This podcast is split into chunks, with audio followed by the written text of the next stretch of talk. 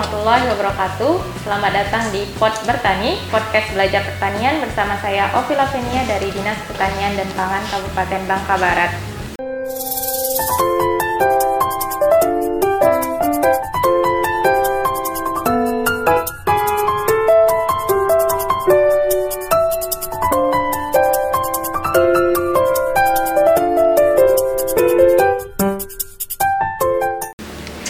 Di episode perdana ini kita akan membahas tentang budidaya lada di Desa Kundi, Kecamatan Simpang Tritip.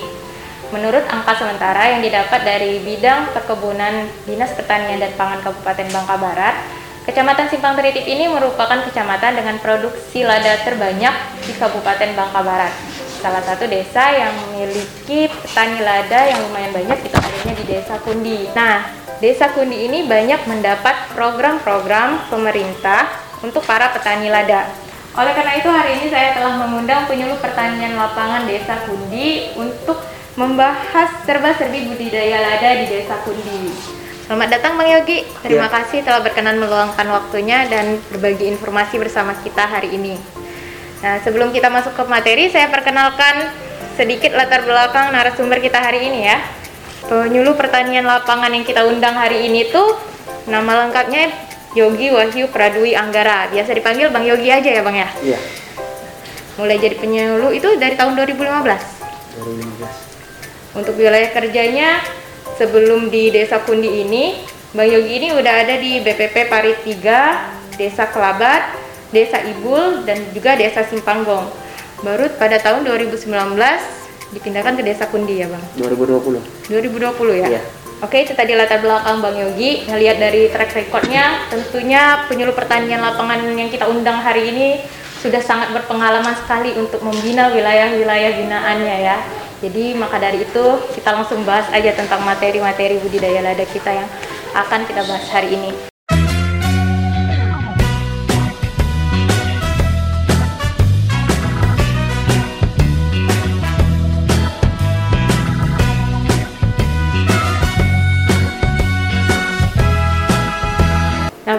Jumlah petani ladangnya sendiri di desa Kundi ini ada sekitar berapa orang sih bang?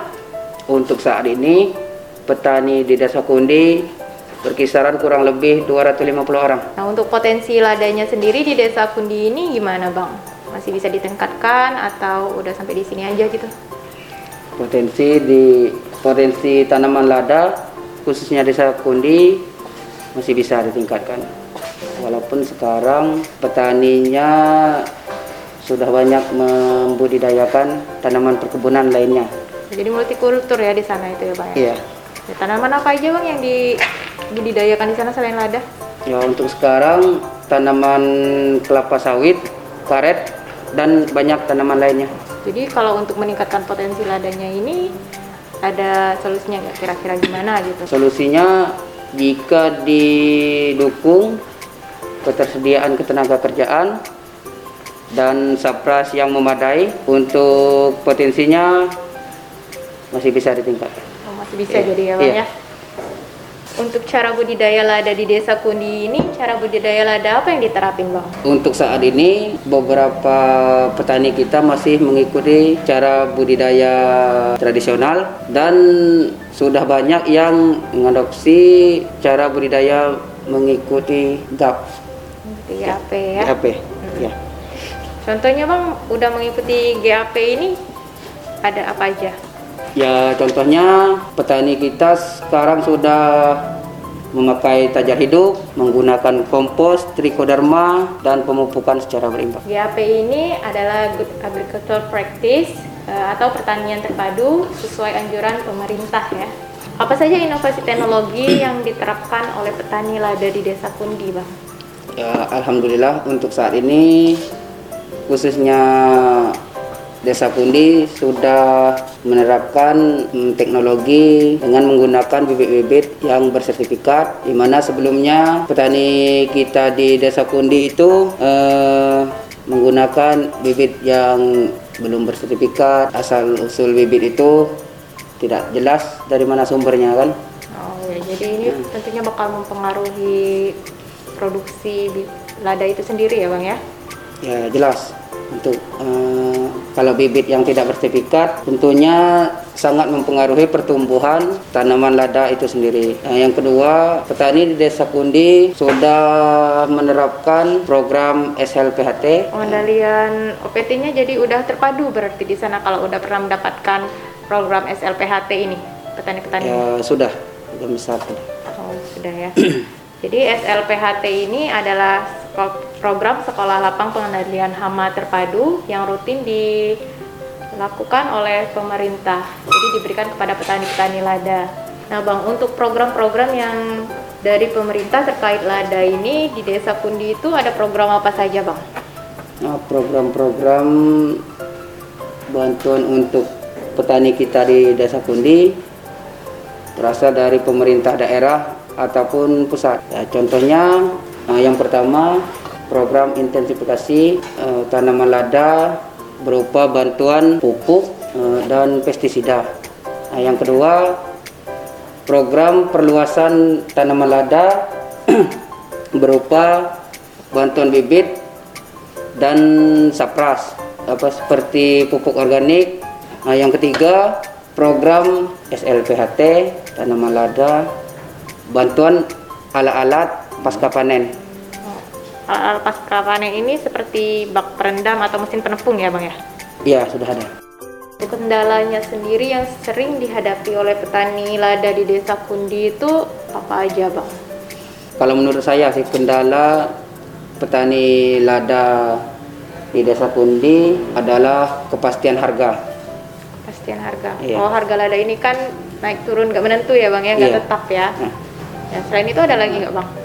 Yang keduanya masalah penyakit penyakit tanaman lada uh, contohnya penyakit kuning dan penyakit busuk pangkal batang. Karena untuk pengendaliannya sudah dilakukan tetapi belum maksimal. Nah bang salah satu fungsi penyuluh kayak kita nih kan sebagai motivator nih. Yeah. nah cara abang sendiri dalam memotivasi semangat petani lada itu untuk tetap terus menanam lada. Kan sekarang kan mulai ditinggal ini kadang kan lada kan. Yeah. ya.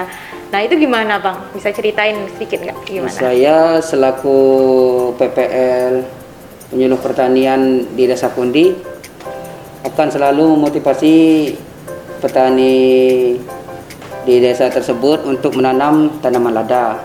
Karena sebagai tupoksi saya sebagai penyuluh harus merubah sikap, eh, perilaku dan keterampilan petani-petani yang ada di desa tersebut. Nah, jadi tetap semangat dalam memotivasinya ya Bang ya. Iya. Tetap mendampingi juga ya. Baik Bang, terima kasih banyak sudah meluangkan waktu dan berbagi informasinya bersama kita untuk episode perdana Pot Bertani ini. Nah, demikian pembahasan kita tentang lada untuk episode Pot Bertani kali ini. Semoga dapat memberikan manfaat bagi kita yang mendengarkan.